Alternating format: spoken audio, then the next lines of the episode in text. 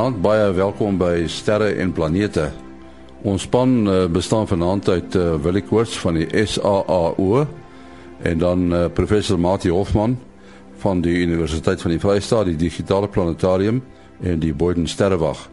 Natuurlik is Kobus Olkers daar in Florida, Amerika ook op sy pos met uh, ruimte weer, 'n son weervoorspelling. Maar voor dit, ruimte nuus wat geskryf is deur Herman Turin in Bloemfontein. Ruimtevaarders aan boord van die internasionale ruimtestasie het vir die eerste keer daarin geslaag om blomme aan boord te kweek en te laat blom. Die blomme is van die helderkleurige Zinnia Magellan, 'n inheemse blom van Mexiko. Die kweek van die blomme maak deel uit van 'n projek bekend as Veggie wat in doel het om vasgroente vir lang ruimtereise te kweek. Voorheen is 'n soort Italiaanse blaarslaai gekweek en 'n deel daarvan deur die bemanning van die ruimtestasie geëet.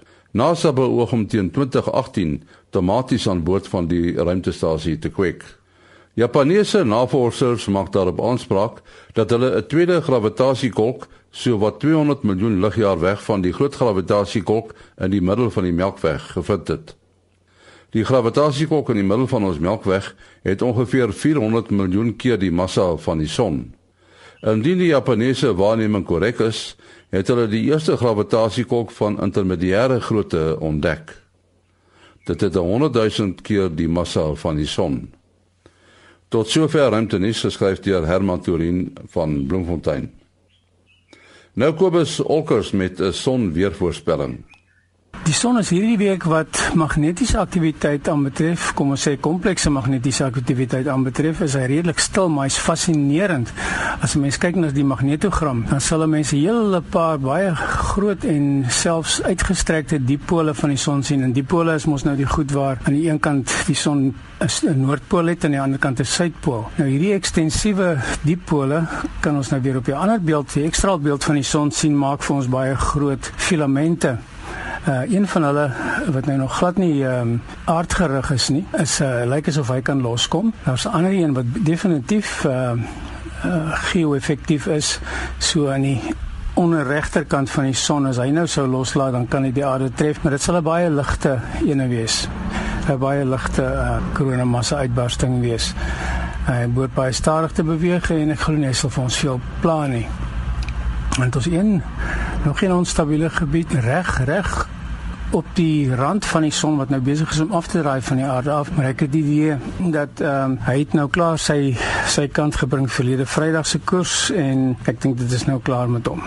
Goed, wat bly oor? Is koronagate in die Noordpool is daar eene wat nie lyk asof hy hierdie week vir ons 'n probleem gaan gee nie, wel volgende week op die suidpool van die son is daar eene wat wat my 'n bietjie bekommerd maak. Hy loop al die pad van die suidpool af tot so uh om en by as mens nou by die aarde se kant dink so omtrent by die Steenbok skeerking se koers. Dit is negatief gelaai. Uh sy sy polariteit is negatief, oftewel suidwaarts.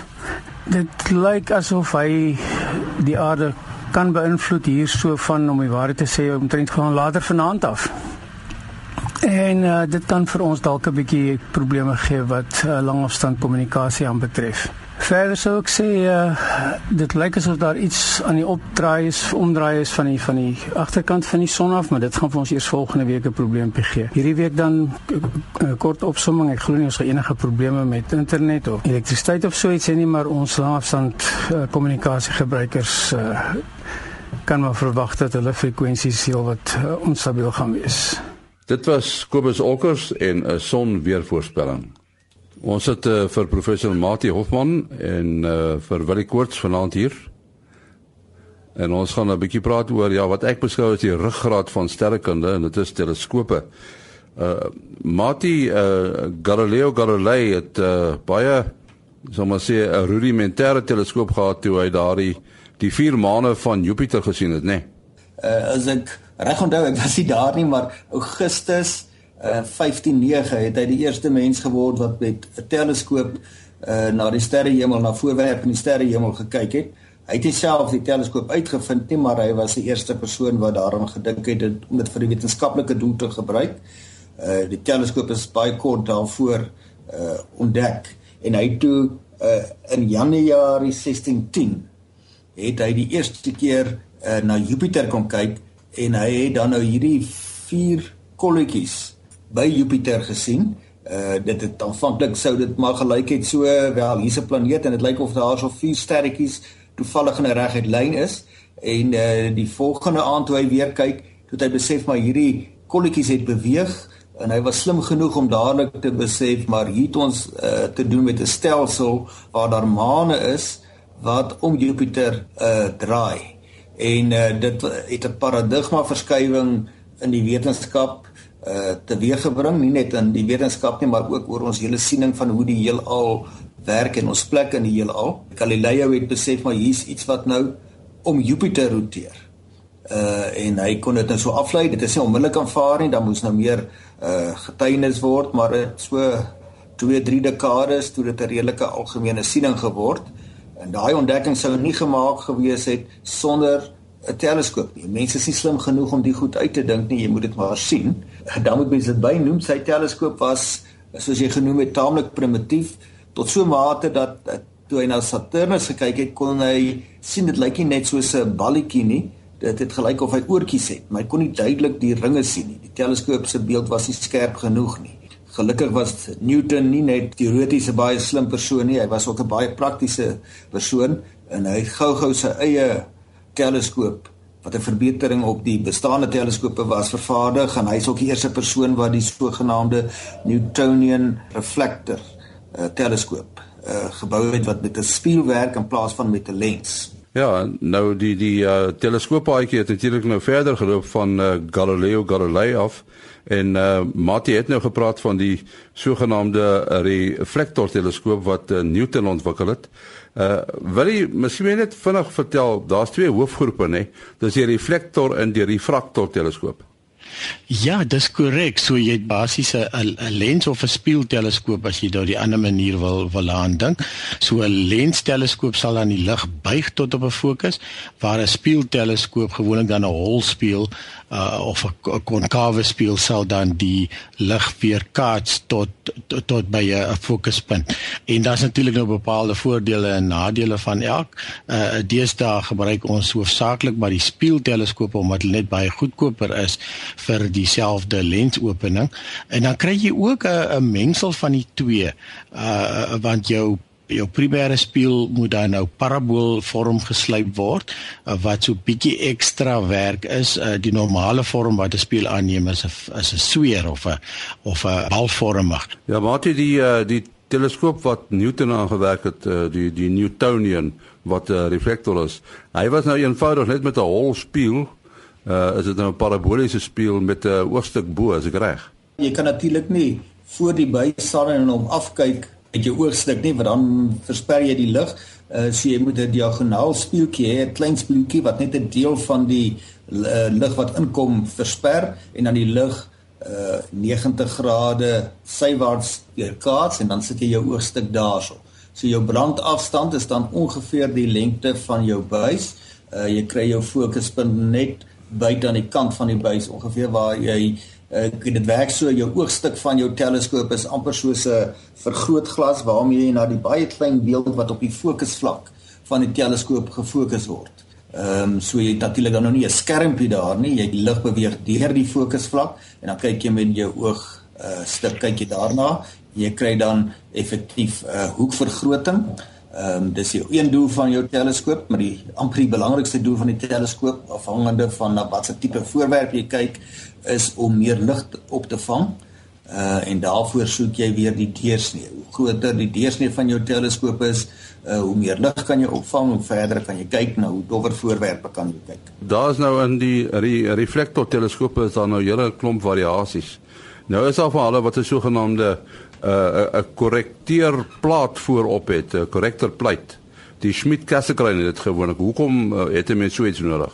in jou ehm um, Smith Cassegrain of 'n uh, Smith miskielik 'n Smith kamera wat uh, net eenvoudig 'n sferiese spieël is, nie parabolies nie en uh, dan het jy jou film destyds het hulle uh, het hulle dan halfpad reg voor die spieël het jy het jou het jou film gesit en uh, wat natuurlik vir jou 'n bietjie in die pad is maar ons selfs ons tweede sekondêre spieël is in elk geval in die pad. Die een manier wat 'n uh, eenvoudige smietkamera is jou film dan op op ook op 'n kurwe, ook op 'n sirkel uh, of of aan 'n balvorm. Maar d, d, ons detektors deesdae is eintlik almal plat. Wat jy dan doen is met hierdie uh, lens wat jy dan in die voorkant het, en dis nie 'n normale lens nie, hy het 'n baie snaakse vorm waar die lig dan vooraf uh, noem dit nou maar gedistort, ver, verbuig uh, sodat dit dan tot op 'n perfekte fokus uh, val en in die geval van salt uh, waar jy nou 'n sferiese spieël het is daar dan 'n fout waar die lig bymekaar kom 'n sferiese uh, afwyking en daar het ons weer 'n noem dit maar weer 'n bril of 'n stel 'n stel korrektor in die geval is dit speels. Um, maar jy kan dit ook met lense doen. Maar dit die teleskoop wat jy daar by Boyden het dit is 'n speelteleskoop nie die ou grootte? Uh, ja die 1.52 meter uh spieelteleskoop. Hy is 'n Cassegrain, nie 'n Sweet Cassegrain nie. Kyk, dit beteken dan hy het nou ook 'n sekondêre spieël daar bo in die uh in die buis en dit weer kaats die lig dan langs die optiese as reguit af en dan staan in die primêre spieël, die groot spieël, is daar dan 'n gat uh seker so 30 cm in deursnee en dan is die fokus uh vlak is dan onder die primêre spieël. Uh so dis heel gerieflik om daar te, te by te kom. Jy hoef dan nie daar aan die bokant van die buis te gaan kyk nie. Hierdie uh teleskope is baie hoog, weet baie meters, sê nou maar 6, 7 of meer meter afhangende hoe lank hy is. Uh en dan is dit baie moeilik om daar bo by te kom. Weet jy praat van 2, 3 verdiepings. So hier onder die teleskoop hoef jy nou net op 'n leertjie te staan en daar kan jy dan nou of jou oogstuk sit, maar meer tipies sal jy nou jou instrumentasie daar sit Uh in ons geval werk ons meer met CCD fotometrie, maar jy kan 'n spektrometrie doen. Die die voordeel van die Cassegrain teleskoop is dat jy dan uh effektief 'n baie lang brandafstand in 'n korter buis kan inpas. Hoe langer jou buis is, met as jy as jy nou byvoorbeeld uh die oog in baie lang lensteleskope, jy die lengte nodig gehad vir baie groot vergroting. Maar as jou teleskoop baie lank en jy het 'n groot hoë gebou nodig waaraan hy geakkommodeer kan uh, kan word. Maar as jy dan nou die Cassegrain het met die spieël, die twee spieëls, groot primêre spieël, kleiner sekondêre spieël wat dan 'n bolspieël is, uh dan kan jy deur kombinasie van die brandafstande van die twee spieëls kan jy effektief 'n baie lang brandafstand kry in 'n relatief kort buis. Uh ons teleskoop by Boyden is uh ongeveer 5.5 meter lengte buis, so dis daar maar nie so lank nie. Uh so iets oor 2, 3 verdieping gebou waarin hy staan. Hy kan ook nie heeltemal op die vloer staan nie, jy het ruimte onder hom nodig. Uh maar sy sy brandafstand is 23 meter. Wil jy het gepraat van SALT, die teleskoop wat jy daar op Sutherland het. Uh dit is nou die enigste teleskoop uh, wil ek sê op die Afrika kontinent wat 'n uh, 'n sogenaamde saamgestelde spieël het, nê? Nee. Dis korrek. Ja, so SALT se hoofspieël is dan nie een aan een lopende stuk glas van 11 meter deursnee nie, maar uh, word opgemaak uit 91 segmente. Elke segment is so rofweg 'n meter in deursnee. So elke segment is dan netlik nie plat nie. Elke hy ook 'n 26 meter radius ingeslyp, baie baie akkuraat geslyp en uh, die uh, klomp 91 segmente uh, uh, word dan saamwerk uh, so daar's ook 'n hele stelsel hulle instel en en in die begin van die aand dan dit is dan waar daai toring inkom wat mense al lank salt gesien het. Uh so die spieël word na salt se kant toe gewys uh die teleskoop en um en dan bo in die instrument uh of bo in die toring sit 'n instrument wat dan presies op die radius dink aan 'n maar met 'n bal wat gevorm word en die instrument sit dan presies op daai radius. Nou as ons dink aan omtrent as jy 'n sirkel trek en uh jy, jy sal enige lyn vanaf die middelpunt waar die passer se gedruk het uh, na die na die kant van die sirkel gaan jy hom altyd presies loodreg slaan. So dit wil sê as dit 'n blink oppervlak was en jy sou 'n liggie in die middel van die sirkel sit, dan sal die liggie, dan sal die lig en jy skyn hom skyn op die sirkel, sal die lig terugkom na die middelpunt toe. En dis dan die prinsip rofweg waarop die instrument werk om dan hierdie 91 segmente in te stel dat hulle so saamwerk soos een groot spieël. Nou daar is nou krakies tussen hulle, openingkies tussenin uh, wat verskil tussen iets so 7 mm tot so net so oor die 20 mm en uh, so jy verloor 'n bietjie lig. Jy verloor natuurlik ook in elk geval lig met enige teleskoop gewoonlik deur jou sekondêre spieël. So dit is dan glad nie 'n probleem nie. Dit is nie dat jy dit sien in jou beeld nie. Die goed is natuurlik te naby. Dis heeltemal uit fokus. Jou jou teleskoop is ingestel op op oneindig, so dit is dan nie 'n probleem nie. Ja, jy praat nou van hierdie saamgestelde spieëls en dit is lyk like my die pad vorentoe want uh, die die sogenaamde extremely large telescopes, die ELTs.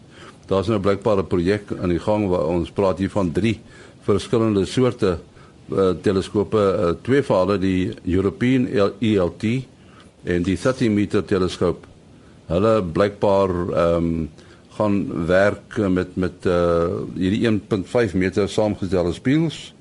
Maar nou die die Giant Magellan teleskoop. Dis nou vir my interessant dat hy in sy primêre spieël sewe segmente het wat elk 8,4 meter deursnee het. 8,4 meter spieël is 'n redelike groot uh soliede spieël, nee uh, Mati. Uh ja, uh, nee, hulle was daarvan nou baie slim uh want hulle het gewerk met die beste tegnologie vir groot spieëls uh, wat gebruik word by die WLT, die Europese suidelike sterrewag uh in Chile wat 'n 8.2 meter plus uh spieël het. En daai vier teleskope wat hulle daar het kan natuurlik by geleentheid saamwerk. In 'n geval hulle besluit die tegnologie bestaan nou en is goed gevestig om spieëls van hierdie grootte te maak. Hulle het nou 'n bietjie groter gegaan soos na 8.4 amper 8.5 meter en gesê wel kom ons bou nou daar uit 'n groter spieël 'n groter teleskoop deur 'n uh, 'n paar van hierdie spieëls uh, dink ek sewe het jy gesê uh, saam te gebruik. Uh, en die voordeel daarvan is ook as nou 'n paar van die spieëls al in is want dit vat lank om nou hierdie spieëls te maak te vervaardig uh, maar dan kan hy reeds werk met 'n uh, 'n kleiner deel van die totale aantal spieëls uh, ek weet nou nie wanneer hulle van die grond af gaan kom met die eerste waarnemings nie maar wel dit moet nog 'n paar jaar wees. En uh, ons kan trots en dankbaar wees dat die ons eie SAL teleskoop is wat die grootste teleskope betref omtrent van die heel grootstes wat tans reeds in bedryf is. Hy het reeds in 2005 begin waarnemings doen. En uh, uh ons mense is waarskynlik gewoon daaraan om 'n oppervlakte se dink in terme van vierkante meter sal se opvangvermoë op sy maksimum as die hele reeks spieëls almal gelyktydig benut kan word is feitelik 80 vierkante meter. So dit is soos 'n kleinerige 'n bietjie groter as 'n bachelor woonstel daar, 'n kleinerige eenslaapkamer woonstel omtrent 80 vierkante meter.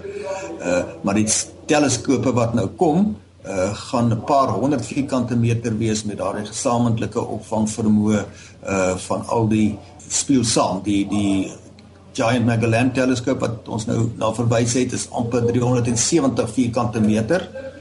Uh vir vergelyking die Keck teleskope, elkeen van hulle is 76 vierkante meter. Dis bietjie kleiner as SALT, maar daar's 'n Keck 1 en 'n Keck 2 wat kan saamwerk en as hulle saamwerk dan is dit groter as SALT. En dan die VLT, hulle kan as hulle al vier saamwerk, dan gee dit op die stadium die grootste optiese teleskoop uh selfs groter as kyk 1 en kyk 2. Ons moet afsluit. Wil jy jou besonderhede? Ja, mense kan bel SMS of WhatsApp 0724579208. 0724579208. Mati? Uh 083 6257154. 083 6257154. Die mense kan ook maar onthou om daar na ons uh Facebook groep te gaan kyk. Daar's baie ander ouens wat help vra antwoord en goeie bydraes maak. Hulle kan maar net uh soek vir die groep en dan aansoek doen om aan te sluit. My besonderhede is maas.hierdie@gmail.com. maas.hierdie@gmail.com. Ja, volgende Sondag aan dieselfde tyd is ons weer terug. Tot dan, mooi loop.